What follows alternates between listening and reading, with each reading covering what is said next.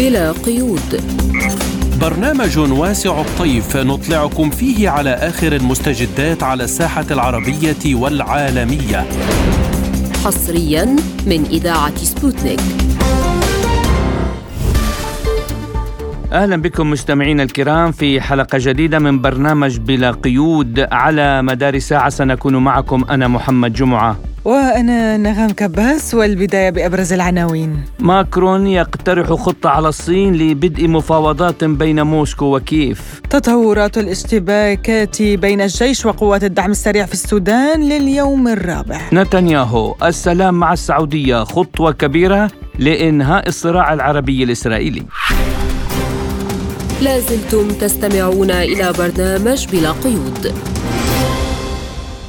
نبدأ التفاصيل من الشأن الأوكراني حيث كشفت وسائل إعلام غربية أن الرئيس الفرنسي إيمانويل ماكرون على وشك أن يقترح خطة على الصين من شأنها أن تجذب موسكو وكييف إلى طاولة المفاوضات وأن ماكرون يتطلع إلى تغيير مسار التحركات الدبلوماسية المخيبة للآمال من خلال الاقتراب من الصين بخطة يعتقد أنها قد تؤدي إلى محادثات بين روسيا وأوكرانيا وأن الاتصالات بين موسكو وكييف يمكن أن تبدأ هذا الصيف إذا سارت الأمور على ما يرام. ومن جهة أخرى أفاد الكرملين بأن الرئيس الروسي فلاديمير بوتين قام بزيارة تفقدية إلى مقر قيادة مجموعة دنيبر العسكرية في منطقة خرسون وتم إطلاعه على التقارير العسكرية المرتبطة بهذا المحور من قائد القوات العسكرية المجوقلة وقوات المظليين في الجيش الروسي العقيد ميخائيل تيبلينسكي.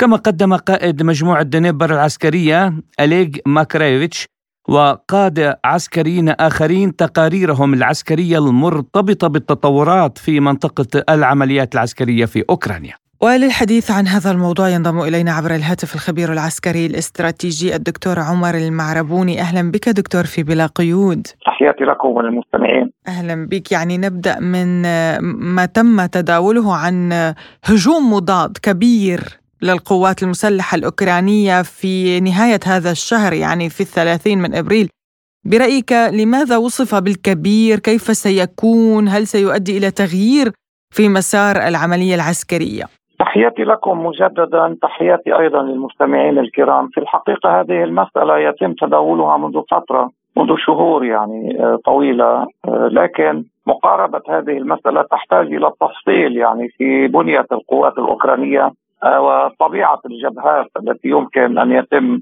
عليها هذا الهجوم. أود بداية طبعا أن أقارب الواقع الميداني انطلاقا يعني من الجبهات المشتعله حاليا. آه، وسأبدأ يعني بجبهة خرسون بشكل اساسي يعني هذه الجبهة عمليا هي من الجبهات الصعبة جدا التي ليس لاستطاعة القوات الأوكرانية تحقيق يعني خرق فيها لأن هناك حاجز مائي كبير هو نهر دنيبر عمليا. خصوصا أن المناطق الصالحة للعبور آه، تبدأ يعني من منطقة نوفا كاخوفكا شمالا حتى آه، شمال مدينة خرسون بشكل مباشر. المعبر المائي هناك يعني يتراوح عرضه بين 500 آه، إلى 1000 متر وبالتالي نحن أمام معبر يعني عريض جدا. عبور القوات فيه يعني سيعرضها لنيران كبيرة جدا ولفشل هذا الهجوم خصوصا أن الضفة الشرقية التي تتمركز عليها القوات الروسية هي عمليا أعلى من الضفة الغربية التي تتمركز عليها القوات الأوكرانية آه، وبذلك تكون أمام ميزة ثانية للقوات الروسية إضافة إلى تعقيد الممر يعني عرض الممر وهي ميزة الإشراف بالنظر والنار هذه بما آه، يرتبط يعني هذا بما يرتبط آه، بجبهة خرسون بشكل أساسي. إذا انتقلنا إلى إذا إذا انتقلنا إلى جبهة زاباروجيا. يعني آه، عمليا القوات الروسية تقاتل هناك في عقد أساسية آه، مفصلية يعني بين آه، منطقة عفوا زاباروجيا ومنطقة دونيتسك وتحديدا في منطقة أوغليدار يعني التي باتت يعني على وشك السقوط. وبالتالي يعني هذه الجبهة هي الجبهة التي تم الكلام عنها كثيرا لأنه هناك طموحات أوكرانية بخرق المنطقة آه، باتجاه ميليتوبول بشكل مباشر والوصول إلى آه، بيرديانسك آه، ماريوبول مجددا وهذا طبعا طموح كبير جدا لا يمكن يعني تصور نجاح هكذا عمليه على هذا المحور. آه، الجبهة الثالثة التي يمكن أن نكون فيها أمام هجوم أوكراني مضاد وهي الجبهة التي تمتد من آه، مارينكا جنوب دونيتسك وصولا حتى آه، كريمينايا في شمال سيفيرسك بشكل أساسي وهذه منطقة مشتعلة عمليا. الجيش الروسي يحقق فيها نجاحات كبيرة يعني إضافة إلى النجاحات الحاصلة في أرتيموفسك باخموت هناك يعني نجاحات في أفديفكا وفي مارينكا. وأيضا هناك نجاحات باتجاه سيفيرسك. الجيش الروسي تقدم البارحة آه، باتجاه سيفيرسك عند منطقة بيلوغوروفكا بشكل مباشر. آه، ويعني آه، استطاع أن يحقق إنجازات في الاقتراب من منطقة يامبل بشكل أساسي. وأيضا هناك احتمال لشن هجمات باتجاه ليمان وكراسني ليمان مستقبلا. اذا هناك طبعا محورين أساسيين يمكن أن يشكلا مفاجأة وهي أن تعبر القوات الأوكرانية إلى منطقة خليج الدنيبر باتجاه يعني شبه جزيرة القرم وهذه طبعا محاولة تحتاج إلى عمليات إنزال بحري وعمليات تغطية ناريه كبيرة أيضا إلى عمليات تعمية إلكترونية وهذا بالتأكيد يعني سيكون صعبا ومعقدا على القوات الأوكرانية لانها ستكون يعني معرضة للتطويق من اتجاهات مختلفة يبقى طيب دكتور عمر عفوا المقاطعة يعني بعد هذا الشرح المفصل والدقيق آه، يبدو أن النفوذ العالمي للولايات المتحدة قد يضعف بسبب عواقب الصراع في أوكرانيا برأيك دكتور هل تقترب الهيمنة الأمريكية من نهايتها؟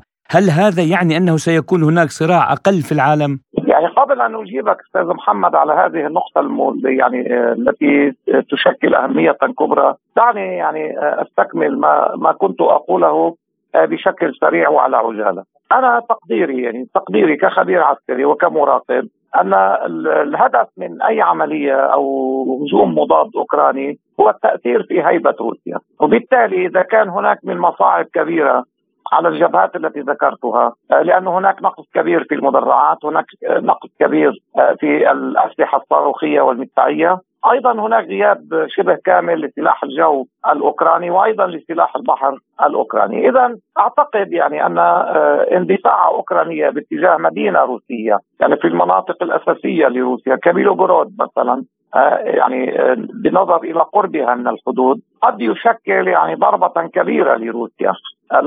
اعتقادي أن عملية من هذا النوع هي الأكثر ترجيحا للتأثير في هيبة روسيا واستخدام المسألة في الأبعاد السياسية، هذا الأمر بالتأكيد تتنبه له القيادة العسكرية الروسية وبالتالي أي كلام عن هجوم مضاد أوكراني سيعتمد. ممكن ممكن يكون بالمسيرات دكتور يعني المسيرات ربما تستخدم في هذا الهجوم بحيث أنه تكون أقل ضرر على الجنود الأوكران ولكن استخدام المسيرات نجحوا فيها سابقا. صحيح لكن المسيرات لا يمكنها أن تحسم معركة ولا يمكنها أن تؤمن يعني هجوما أوكرانيا مضادا بالحجم الذي يتم الكلام عنه. أضف إلى ذلك أن آه، يعني مسألة المسيرات يعني الأعداد يعني يحتاج إلى أعداد كبيرة بالآلاف يعني لتحقيق النقص الموجود بسلاح الجو وهذا غير متوفر آه، بالتأكيد. اعود طبعا إلى السؤال الذي تفضل به الأستاذ محمد.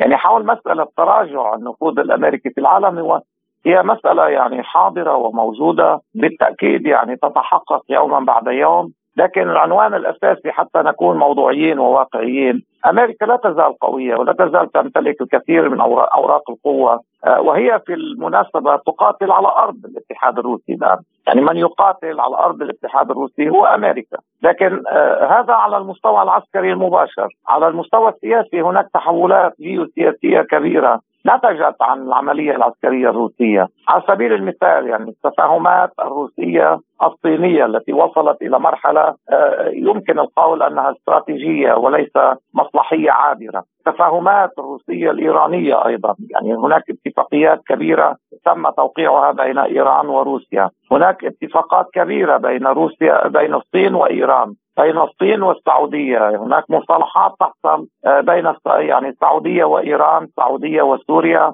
هناك أيضا مصالحة قادمة على يعني الطريق وهي المصالحة التركية السورية، آه، كل ذلك يعني آه، يذهب بنا باتجاه تأكيد يعني تراجع الهيمنة الأمريكية في هذه المنطقة ليحل محلها. يعني ما كنا نتكلم عنه منذ سنوات لا بل أكثر من عقد يعني حول مسألة أوراسيا. يعني هذا الحلف الجامع القائم آه، على التفاهم والاحترام المتبادل والمصالح المشتركة على نقيض يعني السلوك الأمريكي وما يسمى زورا وبهتانا بحلف أمريكا القائم على الهيمنة آه، وسرقة ونهب ثروات الشعوب وما إلى ذلك. وربما دكتور أوكرانيا والأزمة الأوكرانية هي التي ستقسم آه، ظهر أمريكا خاصة أنه البنتاغون حذر يعني وزارة الدفاع حذرت بشكل واضح من أن الإمدادات الأمريكية لكييف ليست غير محدودة. يعني بالنهاية آه، هم يستنفذون الذخيرة الذخيرة وحتى زيلينسكي اشتكى من أن تأخير توريد الأسلحة الغربية إلى كييف سيفشل المعارك. نعم بالتأكيد. يعني هذه المسألة أنا لم أتعرض لها بالتفصيل لأنه آه، على عجالة كنت أتكلم. يعني هناك تفاصيل في مسألة الهجوم المضاد الأوكراني. ترتبط بحجم وعدد المدرعات لأنه عسكريا يعني كل الخبراء العسكريين كل الضباط القادة يعرفون أن آه، فرقتين يعني يمكن أن يشكلا خرقا على عرض 24 كيلومتر، طب نحن أمام 1000 آه، كيلومتر من الجبهات، سؤال المنطقي آه، كيف يمكن حشد يعني فرقتين على مسافات يعني متعددة؟ لأنه هناك أنساق يعني هناك النسق الأساسي، هناك النسق الأول الاحتياطي، النسق الثاني انساق الاحتياط إلى آخره. وبالتالي يعني حجم القوات التي ستزج على آه، النسق الأول لن يتجاوز بتقديري 25 آه، إلى 30 ألف جندي. وبالتالي من السهل على القوات الروسية يعني أن تحقق يعني هزيمة في هذه القوات خصوصا أن الجيش الروسي آه، ذهب باتجاه تحطيم مواقعه الدفاعية في كل محاور القتال في كل الجبهات. وبالتالي يعني تحتاج أوكرانيا إلى عدد كبير من الدبابات غير متوفر لتحقيق الصدمة لأنه أساس نجاح أي هجوم يبدأ بالحشد وهذا يمكن أن يتأمل الجيش الأوكراني على مستوى العديد يعني الأفراد. آه، أيضا الحشد يحتاج إلى قوة صدم ونار آه، تتمثل بالدبابات والعربات المدرعة الحاملة للمنشات وهذا غير متوفر آه، بالحجم المطلوب لتحقيق نجاح في هجوم كبير، اذا هذا الهجوم بتقديري يعني معقد وصعب قد تدفع أوكرانيا للقيام به لكن ثمنه سيكون كبيرا وكبيرا جدا.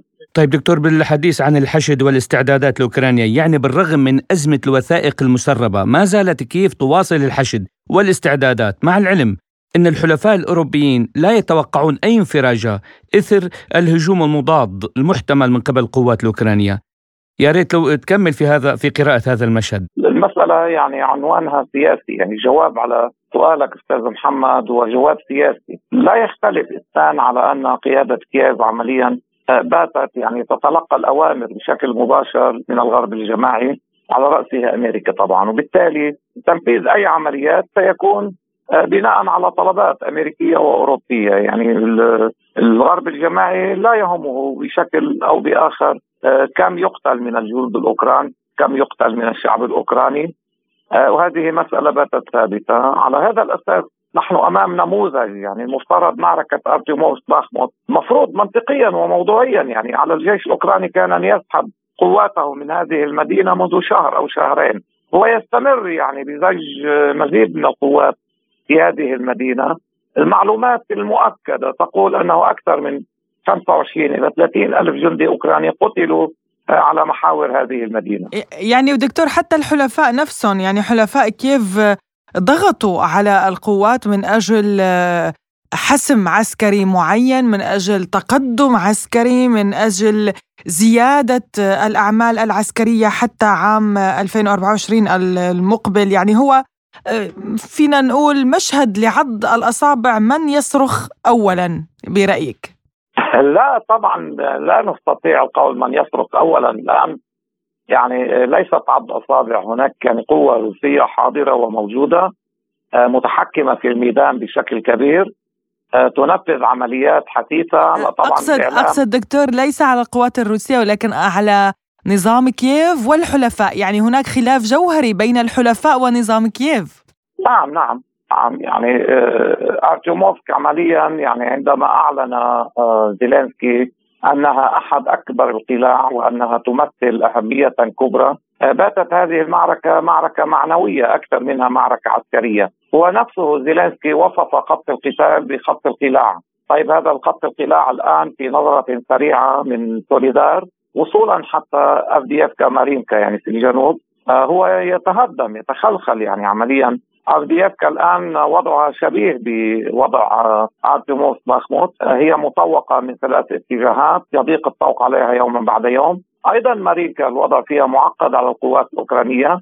آه، القوات الأوكرانية أيضا تتعرض لهزائم على خط جبهة سيفيرسك كريمينايا بشكل مباشر. هناك اندفاعة روسية هناك الاهم آه، وهو يعني بسبب عدم تسليط الضوء على هذه التطورات أن الوحدات الروسية غرب سوليدار وشمال غرب ارتيموفسك باخموت آه، باتت يعني على بعد 18 كيلومتر من كراماتورسك اسمح لنا كسؤال أخير يعني لابد من طرحه حول وسائل الإعلام الغربية تتكلم عن آه، أن الرئيس الفرنسي إيمانويل ماكرون على وشك أن يقترح خطة على الصين من شأنها أن تجذب موسكو وكييف إلى طاولة المفاوضات يعني هل لك قراءة حول هذا الموضوع؟ هلا الغرب الجماعي يرفض حتى هذه اللحظة أي وساطة صينية لأنه يعتبر الصين طرفا إلى جانب روسيا في الصراع الدائر بتقديري يعني حتى نكون واقعيين الحالة القائمة الآن ستستمر وستتصاعد لا رجعة إلى الوراء يعني بتقديري سنكون أمام تطورات يعني في الشهور القادمة آه، على المستوى العسكري ولن يكون هناك يعني محل لأي يعني مفاوضات لأن المفاوضات تم يعني آه، يعني وضع معالم أساسية لها انطلاقا من الموقف الروسي وهي مسألة الاعتراف بالواقع الجيوسياسي الجديد وهي النقطة التي يجب أن تنطلق منها. أي مفاوضات قادمة. نعم الدكتور آه، عمر المعربوني الخبير العسكري والاستراتيجي كنت معنا ضيفا كريما في بلا قيود. شكرا جزيلا لكم. شكرا شكرا جزيلا لكم. شكرا. لازلتم تستمعون إلى برنامج بلا قيود.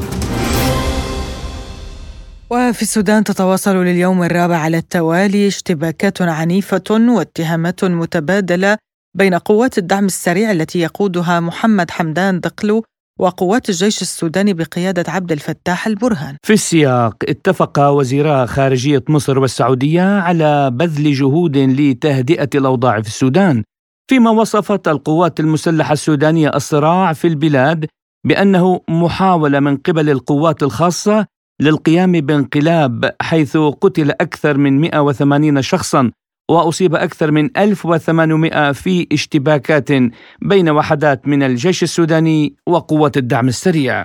وعلى صعيد متصل عقد الرئيس المصري عبد الفتاح السيسي القائد الأعلى للقوات المسلحة بالبلاد اجتماعا للمجلس الأعلى للقوات المسلحة لتقييم الوضع في السودان الذي له حدود مشتركة مع مصر. كما بحث المشاركون في الاجتماع خيارات تعزيز الحدود الجنوبية مع السودان.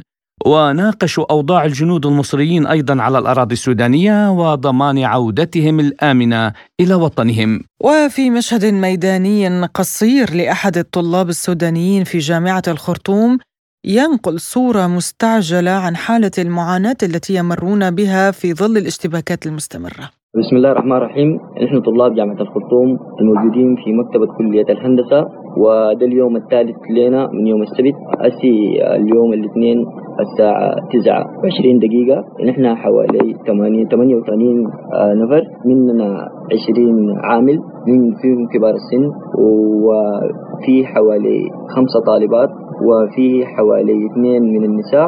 الوضع كعب شديد والمناوشات بدت من جديد والاشتباكات بدت بصورة مستمرة ونحن آه، بالأمس آه، آه، حصل اشتباك ومن منذ توفى لنا طالب وما قادرين نحرك جسمانه لأي حتة حتى الآن. ويوجد معنا مصاب في يده بإصابة خطيرة وما وما باليد حيلة ونناشد جميع مبادرات والمبادرات في الإنقاذ السريع.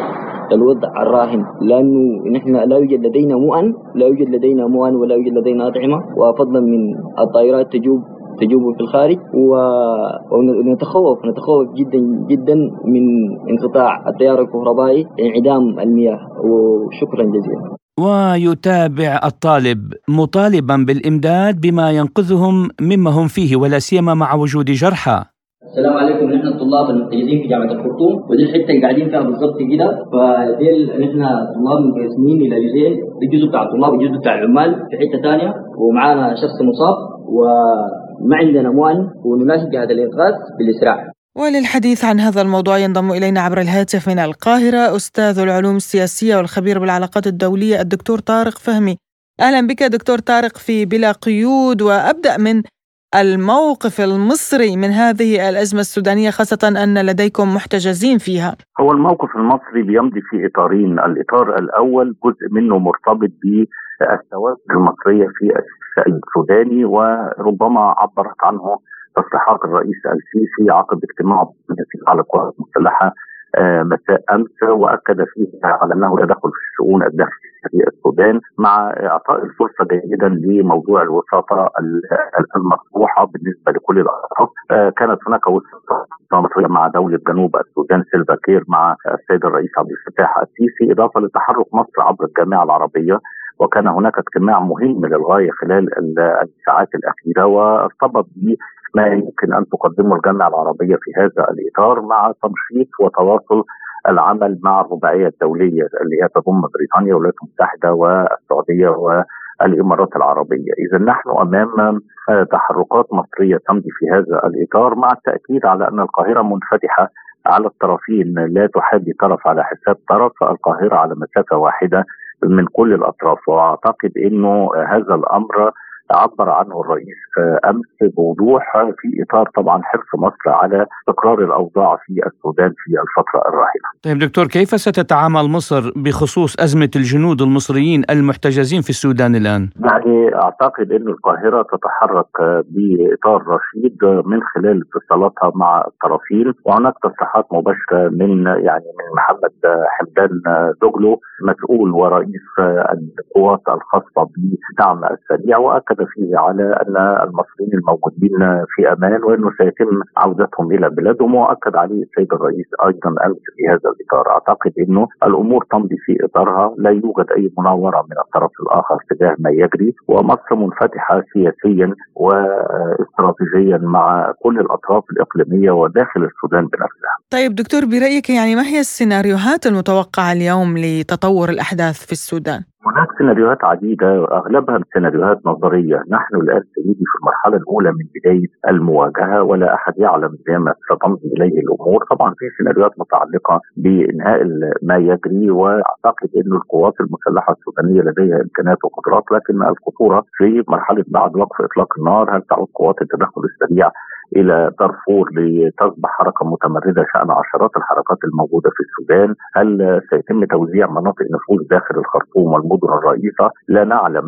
ما الذي سيجري لكن بطبيعة الحال كل السيناريوهات واردة، الذي سيحسم عملية المفاوضات بعد ذلك هو العمل العسكري بصوره أو باخرى وليس إنهاء هذا العمل بصورة أو بأخرى، أعتقد إنه يعني حتى الآن لا حسم كخيار هو المطروح، لكن إلى حين تتغير الأمور فنحن أمام سيناريوهات مختلفة. ربما ستلقي بتبعاتها على الأطراف المختلفة، حتى الآن لا نتحدث عن وساطات دولية، رفض السودان من الداخل تفاعلات خارجية وهم أكدوا عليه. السودانيين أنفسهم إنهم لا يريدوا تدخلات أجنبية لكن وخارجيه لكن بطبيعة الحال قد تمضي الأمور في هذا السيناريو. حتى الآن لم تتدخل الولايات المتحدة واكتفت بالتصريحات أيضا الصين عرضت وساطه الأطراف الأخرى. كل كل الأطراف بتعرض هذا الإطار ولكل الدول الكبرى مصالحها التي ستتأثر وبالتالي ستتدخل في المشهد للتعامل مع ما دكتور هناك سؤال لا بد من طرحه ولو كان مكررا يعني من آه، حيث الأطراف الخارجية المستفيدة الآن من تصاعد الأوضاع الآن في السودان. ربما لأنه الاستراتيجية تعاملهم مع السودان استراتيجية مصلحية مباشرة في هذا الإطار، أنا في تقديري إنه لا نريد أن نقيم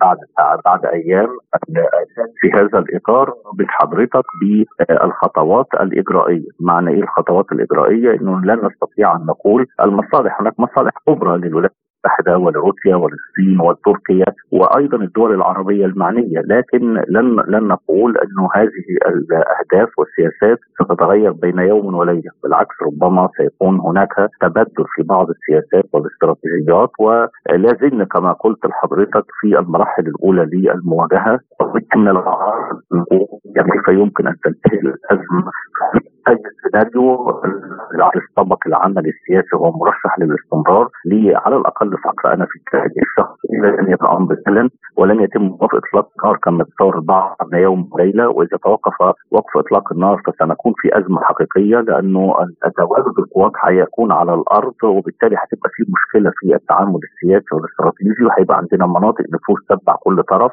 سيقسم السودان إلى اتجاهات ومواقع استراتيجية مختلفة هذا الأمر لا يخدم السودان ولا يخدم الاستقرار ولا يخدم استراتيجية القوى الكبرى التي تتعامل مع السودان على أنه البوابه الجنوبيه لأفريقيا وبالتالي في مصالح كبرى هتتاثر في هذا الإطار سواء من الولايات المتحدة التي أعادت تعويم النظام السوداني مرة أخرى بعد التزم بنبذ الإرهاب ورفع من القوائم إضافة إلى أنه قام بالتطبيع مع الجانب الإسرائيلي فهناك كثير من التفاصيل المتعلقة بهذا الأمر. هل تعتقد دكتور أن هناك أي دولة اليوم في العالم يمكن أن تتدخل بهذا الشأن السوداني وتسعى إلى مصالحة ما أو تهدئة الأوضاع بشكل أو أو بآخر؟ اكون صادم لحضرتك آه، لا يوجد يعني منظمة ايجاد آه، ورؤسائها الذين سيباشرون المهام المفوضيه الإفريقية لجنة الحكماء سيواجهوا بصعوبات كبيرة على الأقل في هذا الوقت. أعتقد إنه من المبكر أن نقول من هي الجهة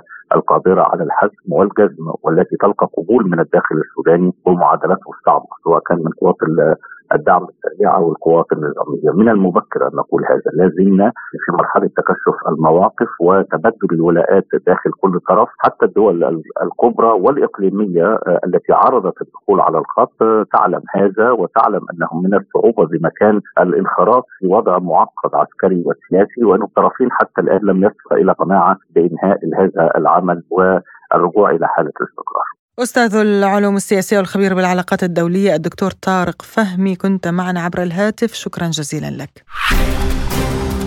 لازلتم تستمعون إلى برنامج بلا قيود.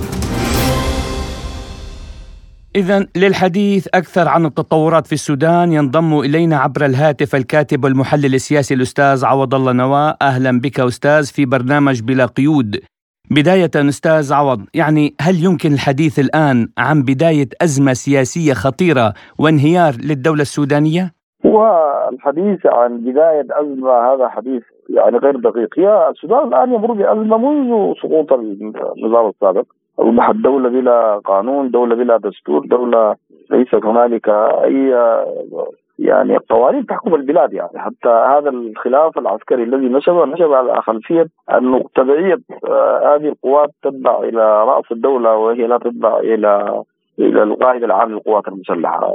فلذلك الحديث آه، عن انهيار هذا السودان انهار بالطبع يعني. والآن في المرحلة الثانية من من من الانهيار الكلي لأن الحرب هي انهيار كلي توقف الخدمات ومعاناة الاقتصاد وكذلك نزوح المواطنين وتعطل حركة الدولة. هي هذا هو الانهيار الكلي. يعني الأزمة السياسية بداية أثرت على الدولة أستاذ الكريم. والآن الأزمة أصبحت أخطر لأنها انتقلت إلى العسكرة. نعم ليست انتقلت. هي الآن الأزمة أصبحت حرب. شاملة في البلاد. واول هذه أول حرب آه حرب أهلية يمكن أن نصفها؟ لا هي ليست حرب أهلية ولكن أول حرب تنطلق في السودان في مدن مختلفة. يعني السودان مر بحروب كثيرة ولكن ليس بهذا المستوى. أن تقوم حرب في السودان في الشرق في الغرب في الشمال في الجنوب في العاصمة. هذه حرب شاملة تسمى حرب شاملة. لذلك الوضع خطير يعني ليس طيب يعني برأيك الدول الغربية متورطة في هذا أم أنه مجرد صراع محلي لا غير؟ لا لا لا هذا الصراع صراع متورط فيه الرباعية متورط فيه في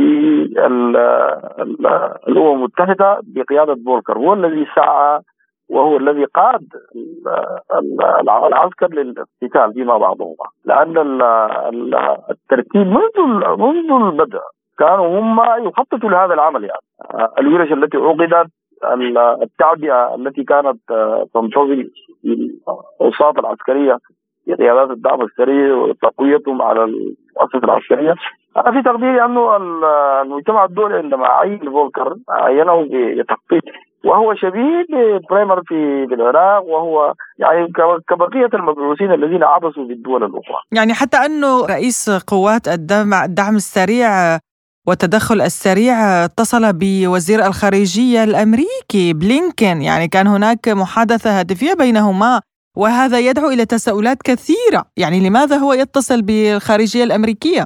نعم هذا هذا تساؤل مشروع. يعني وهذا التساؤل آه، يمكن أن يسند بافعال على الأرض. يعني آه، تحرك قوات الدعم السريع الامروي وهي تريد أن تبحث عن منفذ جوي لدعم جوي خارجي. هذا يؤكد بأن هنالك تنسيق مع دول خارجية خاصة الرباعية وخاصة أمريكا وهي تسعى يعني الاتصال مجرد أن تتصل الحكومة بقوة صنفت بأنها متمردة على الدولة هذا يعتبر إذعان إلى الأمر الواقع وهو يعني بالرغم أنه الحرب تحتاج آه، إلى هدنة والأمر الإنساني مهم ولكن التدخل الخارجي الأمريكية بهذا الحجم هو يعني يؤكد بأن هنالك أيادي زعزعت يعني الاستقرار إشعال السودان يعني إشعال السودان إشعال حرب جديدة بالمنطقة العربية يعني يهدئون في بعض المناطق ويشعلون في مناطق أخرى.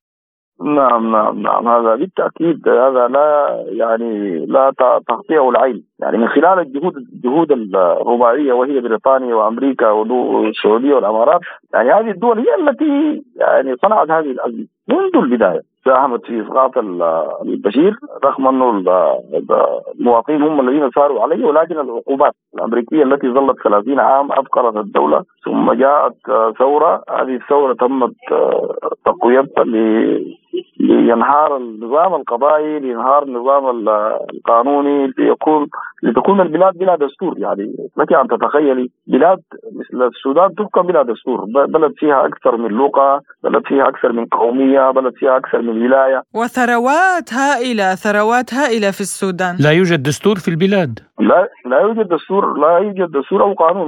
مجرد أن سقطت الحكومة السابقة تم تعطيل الدستور الذي يفصل بين السلطات القضائية ويفصل بين السلطات العسكرية ويفصل بين سلطات الولايات وحتى المحكمة الدستورية التي يعني تساهم في آه، فصل القضايا الدستورية.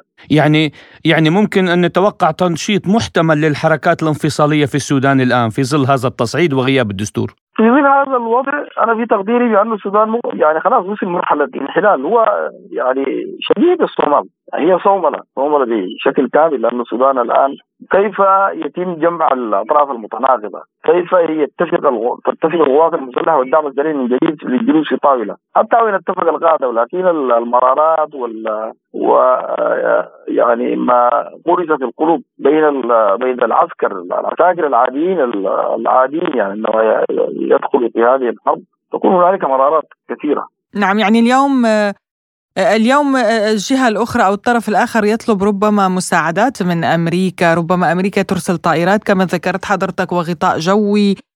برأيك لمن ستكون الغلبة في الميدان؟ ما هي السيناريوهات المتوقعة؟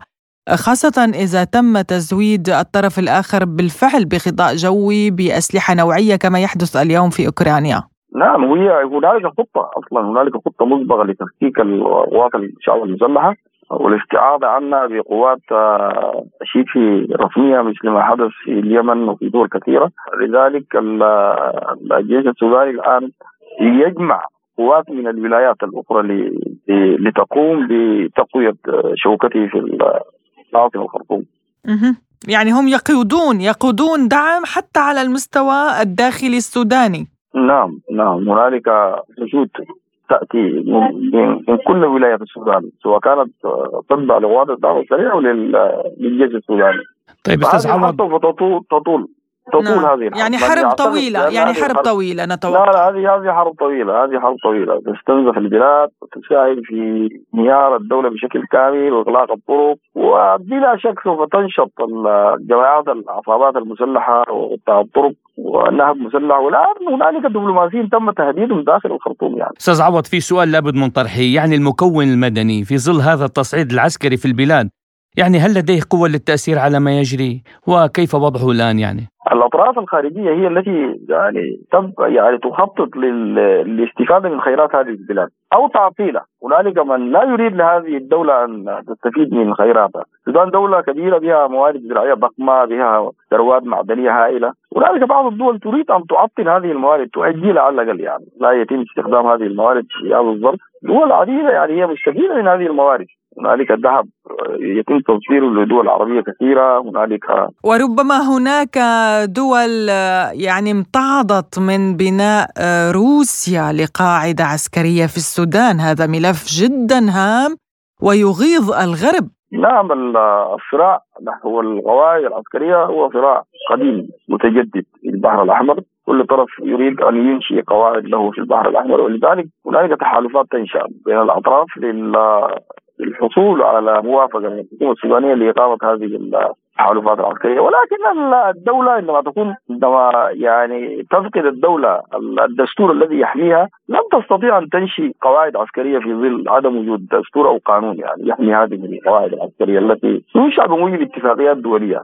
الآن الحكومة المصرية دخلت في اتفاق مع الحكومة السودانية في عهد الدكتور عبد الله حمدوك لمناورات عسكرية مشتركة ولأعمال حربية في منطقة مروي الآن تم الاعتداء عليهم على المدربين المصريين. أعتقلوهم نعم. نعم.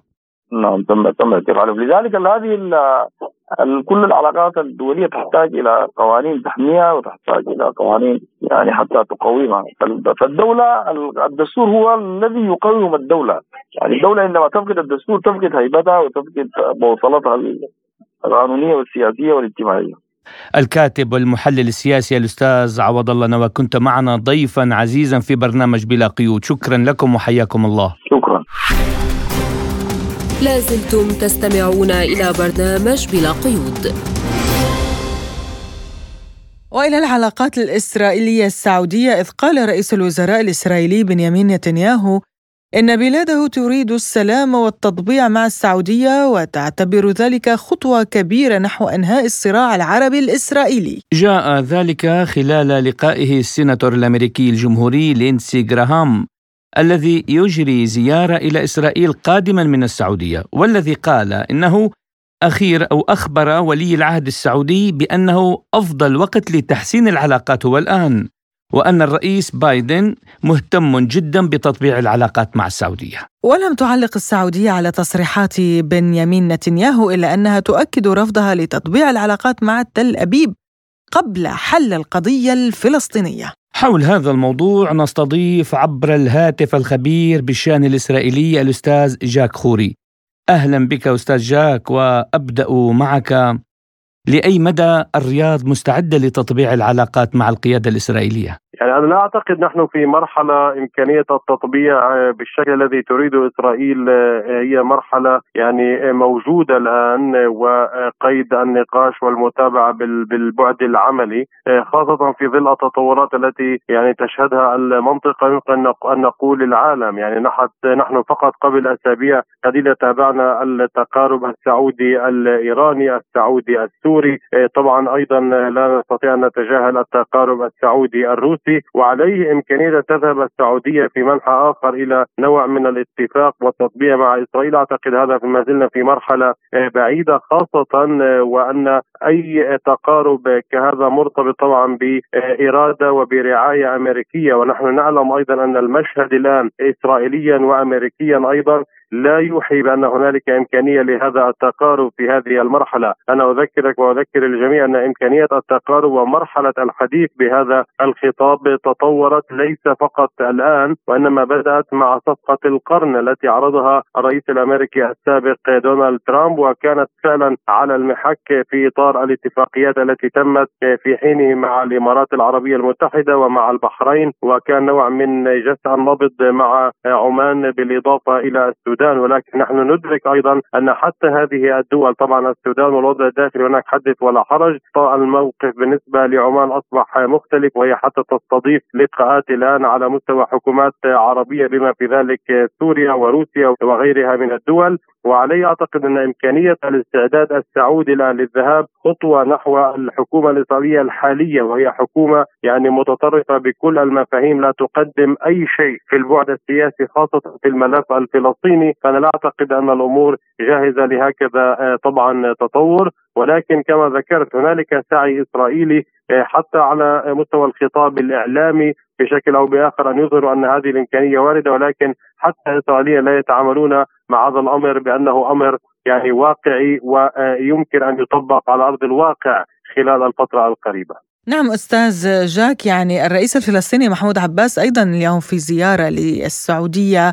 هل برأيك جاء تصريح نتنياهو آه، التطبيعي بالتزامن مع هذه الزيارة للتشويش عليها؟ لا أعتقد ذلك، يعني نتنياهو يحاول أن آه، يعطي أو يتحدث بالأساس الآن إلى قاعدته الانتخابية وإلى الجمهور الإسرائيلي ولا يخاطب الجمهور الفلسطيني أو العربي، آه، هو يريد أن يقدم شيء على مستوى العالم العربي أنه هنالك إمكانية للتقدم في أي مسار ولكن أنا لا أعتقد انه هذا الأمر يتخطى الضريبة الكلامية. قد يكون هنالك بعض الاهتمام الدولي والعربي بهكذا تصريحات ولكن أنا أؤكد لك انه اسرائيليا داخليا لا أحد يعني يعطي هذه التصريحات أي اهتمام إذا كان من نتنياهو أو من وزير خارجيته إيلي كوهن لأن الجميع يدرك أن هذه المرحلة مرحلة التقارب الإسرائيلي السعودي بالمفهوم السياسي الدبلوماسي. آه، ليست الآن يعني موضع نقاش جدي واستراتيجي استراتيجي قد تكون هنالك علاقات بشكل أو بآخر. أنا لا أعلم الذي يدور يعني في فلك عالم الاستخبارات والاتصالات وكل هذه الأمور ولكن على المستوى الرسمي وكما ذكرت الدبلوماسي و أن نذهب الآن في مسار كما حصل مع دول مثل الإمارات والبحرين. أعتقد أن هذا الأمر بعيد. دعوة الرئيس الفلسطيني يعني إلى السعودية هي قد تكون مهمة بالنسبة للرئاسة الفلسطينية خاصة وأن هذه الدعوة جاءت وتزامنت مع إلغاء زيارة كانت مقررة لوفد من حركة حماس إلى الأراضي السعودية لأداء العمرة وتم إلغاء هذه الزيارة كما يبدو بضغط أو لربما بسبب غضب سعودي بفعل النقاش الإعلامي الذي بدأ في مطلع الأسبوع حول هذه الزيارة. فبالتالي آه، لا أعتقد أن تصريحات نتنياهو ترتبط الآن بزيارة الرئيس الفلسطيني خاصة وان الملف الفلسطيني أيضا ليس حاضر في أي نقاش سياسي بمفهوم أن هنالك أي معادلة تطرح الان للتقدم في المسار السياسي مع الفلسطينيين. اذا كيف سيكون التطبيع فيما لو حدث بين السعودية وإسرائيل في ظل هذا التقارب الإيراني السعودي الآن؟ كما ذكرت لك في البداية أنا لا أعتقد إنه هذا الأمر الآن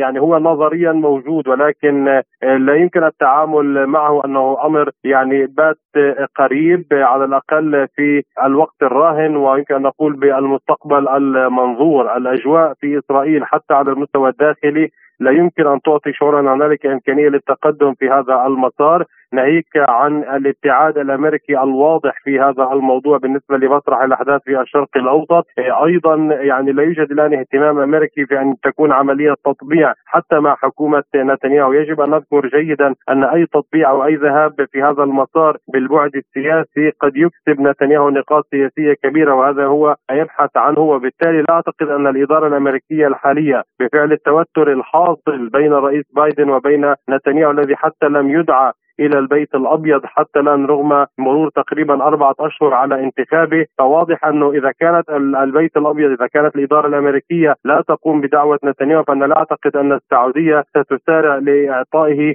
نوع من طوق نجاه على المستوى السياسي. فبالتالي هذا النقاش كما ذكرت ليس نقاش يعني جدي يتم التعامل معه بالبعد العملي. في هذه المرحلة في إسرائيل. نعم يعني أستاذنا الكريم نتنياهو وضع شرطا لإنهاء الصراع الإسرائيلي العربي وقال إنه التطبيع مع السعودية هو سينهي هذا الصراع، هل تعتقد ذلك فعلا وأن السلام مرتبط بهذا الشرط؟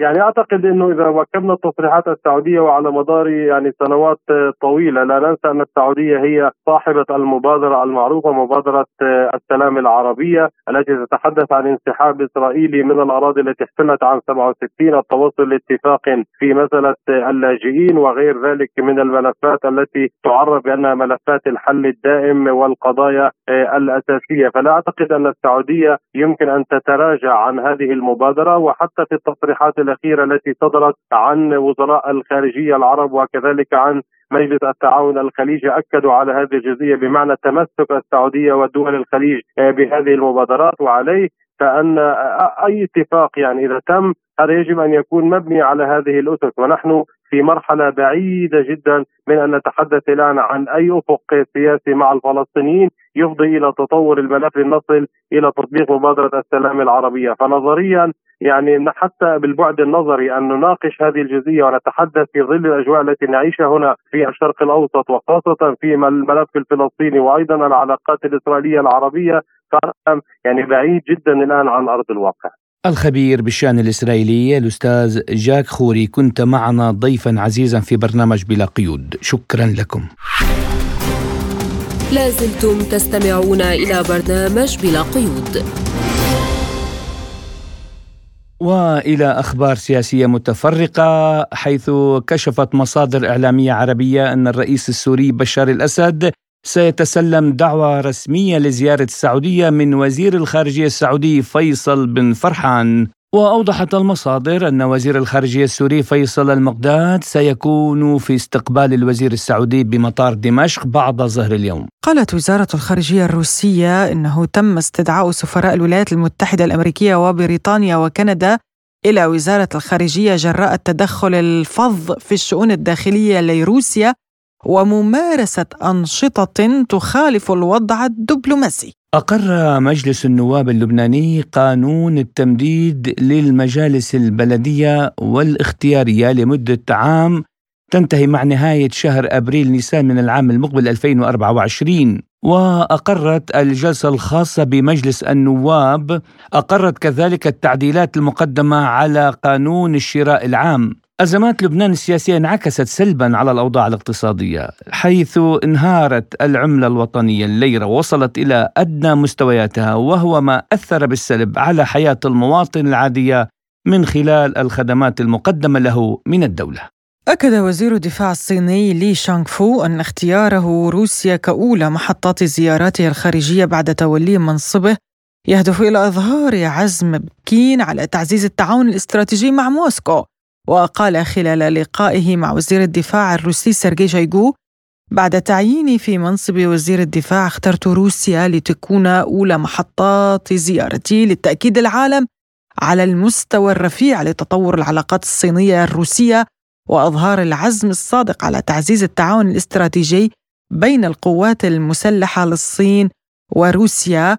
وستعمل بكل حرص على تنفيذ الاتفاقات التي توصل إليها رئيسا البلدين وتطوير التعاون العسكري والتبادلات العسكرية بين روسيا والصين وسننقلها بالتأكيد إلى مستوى جديد. لازلتم تستمعون إلى برنامج بلا قيود. ومن السياسة إلى الاقتصاد حيث أظهرت مؤشرات اقتصادية جديدة بأن دول بريكس تقدمت على دول مجموعة السبع منذ عام 2020 من حيث مساهمتها في نمو الاقتصاد العالمي. ووفقا لهذه البيانات سيسهم أعضاء البريكس البرازيل وروسيا والهند والصين وجنوب أفريقيا هذا العام ب 32.1% من النمو ودول السبع الصناعية الكبرى بريطانيا العظمى وألمانيا وإيطاليا وكندا وفرنسا واليابان والولايات المتحدة 29.9% وستكون حصة الصين في نمو الناتج المحلي الإجمالي العالمي 22.6% في الفترة ما بين العام الحالي وحتى عام 2028 والهند 12.9% بينما ستكون حصة الولايات المتحدة فقط 11.3% من المتوقع بحلول نهاية عام 2028 أن تنمو حصة مجموعة بريكس إلى 33.6% بينما ستنخفض في مجموعة السبع إلى 27.8% حول هذا الموضوع قال الخبير الاقتصادي الدكتور عبد القادر سليماني بلا قيود أفصحت مؤخرا مجموعة البريكس آه، عن العديد من النتائج والمؤشرات الاقتصادية المهمة جدا كالناتج حجم الناتج الداخلي الخام لمجموعة البريكس الذي وصل إلى 31.5% من آه، حجم الاقتصاد العالمي وهو لأول آه، مرة اليوم نشهد أن الاقتصاد مجموعة البريكس يتفوق على اقتصادات مجموعة السبعة التي كانت آه، ولحد وقت قريب من أكبر الاقتصاديات في العالم وأصبح آه، يعني G7 فقط لديها تقريبا 30% من الاقتصاد العالمي وهي في منحى منحى يعني سلبي نظرا للأزمات الاقتصادية والسياسية التي تمر بها خصوصا أوروبا وأمريكا والهزات الارتدادية التي عصفت أكبر الاقتصادات مجموعة آه، السبعة على غرار فرنسا وبريطانيا وألمانيا والانهيار الكبير للبنوك الأمريكية. آه، مؤخرا وأزمة آه، يعني البنوك مؤخرا في أمريكا وبالإضافة إلى التضخم الكبير الذي وصل إلى حدود 11 11% نظرا لزيادة أسعار الطاقة بعد الحصار الذي اعتمد من الدول الغربية على على روسيا. فاليوم مجموعة البريكس آه، روسيا الصين والهند آه، آه، خصوصا عرفوا معدلات نمو كبيرة جدا. فاليوم نتكلم أنه أسرع معدلات نمو في العالم هي لمجموعة البريكس تقريبا 9% وتسيطر مجموعة البريكس على 18% من الاستثمارات العالمية المباشرة. ناهيك أنه مجموعة البريكس نتكلم على تقريبا أكثر من 45% من عدد سكان العالم. وحول كيفية حفاظ الدول والمجموعات الأخرى على ميزاتها في الاقتصاد العالمي أضاف سليماني يقول فالأسباب كما قلنا أن انهيار مجموعة سبعة وفقدان الثقة خصوصا في الدولار الأمريكي الذي لم يعد جذابا ولم يعد يعني يسيل لعاب الدول التي يشهد اقتصادها زخم كبير. وكانت الضربات تتوالى خصوصا بعد اعتماد روسيا والصين على عملتهما في تعاملاتهما التجارية والاقتصادية على أصبح يتعاملان بالروبل واليوان وكان مؤخرا كذلك ضربة أخرى من السعودية حينما آه، أصبحت تتعامل مع الصين كذلك بالعملات الوطنية بالإضافة إلى آه، البرازيل. ونرى أنه هناك كذلك العديد من الدول العالم تريد الانخراط وولوج مجموعة البريكس مثل الأرجنتين مثل آه، مثل الجزائر مثل المكسيك مثل إيران مثل السعودية ومصر ومؤخرا تونس. ف نرى أن العالم آه، تغيرت يعني الجغرافيا السياسية للعالم. آه، بعد آه، دعينا نقول كان هناك نوع من الظلم من النظام الأمريكي الكاوبوي الذي كان يسيطر بما يسمى بالبترودولار والعديد من الاستراتيجيين العالميين أصبحوا يتنبؤون بسقوط الدولار في أفاق 2028 خصوصا أنه مجموعة البريكس ستصل ربما في إلى حدود أكثر من 33 من حجم الناتج آه، العالمي وانهيار آه، مجموعة السبعة إلى ما آه، نقول تقريبا 28% واعتبر سليماني أن هذا يشير إلى أزمة في النظام الغربي. هناك نحن اليوم نعيش يعني بداية نظام عالمي اقتصادي جديد خصوصا أنه اليوم مجموعة البريكس تملك من الأدوات والميكانيزمات المالية والاقتصادية ما يجعلها بديل آه، يعني مضمون وآمن لدول السائرة دول النامية خصوصا آه، إفريقيا وأمريكا اللاتينية وآسيا ودول آه، تقريبا أوروبا الشرقية. نشهد اليوم استقطاب عالمي كبير وحضور روسي وصيني وهندي وبرازيلي في إفريقيا في في آسيا في الشرقية وفي أمريكا اللاتينية. هناك حرية أكبر في الاستثمار. نشهد اليوم أنه هناك العديد من الاستراتيجيات خصوصا طريق الحرير الصيني الذي سيصل إلى إفريقيا والديون الصينية كذلك التي تساهم في بناء البنى التحتية في في كذلك في إفريقيا. الهند كذلك التي أصبحت رقم مهم جدا وأصبحت من أك من أسرع البلدان نموا اقتصاديا.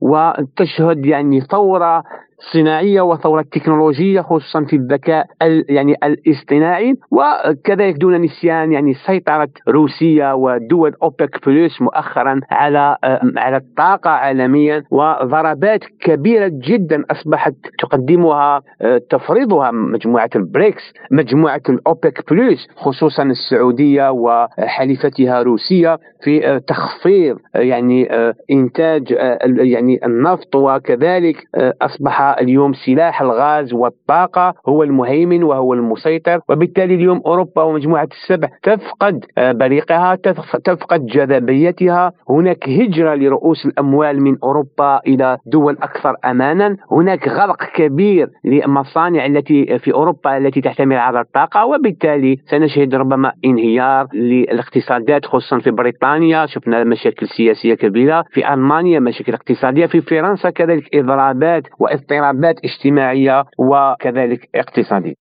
هذه كل المؤشرات تدل أن دول بريكس ستطيح بتجمعات اقتصادية كبيرة مثل مجموعة العشرين أو مجموعة السبعة أو ربما دول غرب, غرب أوروبا أو حتى أمريكا لأن أصبح هناك تغيير للوجهة وقبلة دول نامية مثل السعودية مثل الجزائر مثل الأرجنتين المكسيك إلى إفريقيا كذلك إلى الوجهة الروسية الوجهة الصينية الوجهة كذلك الهندية لأنه مجموعة بريكس تتعامل بالاحترام تتعامل بالندية تتعامل بالبراغماتية والمصالح المشتركة وتنقل في استثماراتها تنقل استثمارات حقيقية. نتكلم على نقل التكنولوجيا نقل رؤوس الأموال نقل المعرفة نقل المورد البشري الذي يعزز من حضور استثمارات مجموعة البريكس في إفريقيا وفي دول ربما أكثر فقرا وبالتالي تضمن لهذا للدول العالم الثالث نظام